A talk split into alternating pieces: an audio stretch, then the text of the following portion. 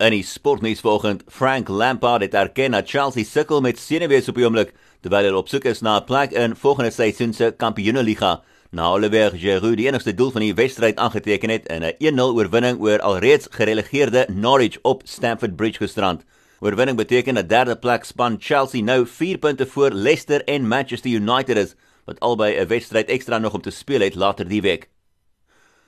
Cricket Suid-Afrika het aangekondig dat koronavirus toetse voor Saterdag se 3-span liefdadigheidswedstryd in Centurion 3 positiewe resultate opgelewer het, alhoewel alle deelnemende spelers negatief getoets het. In 'n verklaring het Cricket Suid-Afrika bevestig dat ongeveer 50 COVID-19 toetse uitgevoer is op spelers, afrigters asook ondersteunende personeel. En ten slotte tennisnuus, die Switserse binnesyse toernooi in Basel wat veronderstel was om die 24ste Oktober te begin, is gekanselleer as gevolg van die koronavirus pandemie.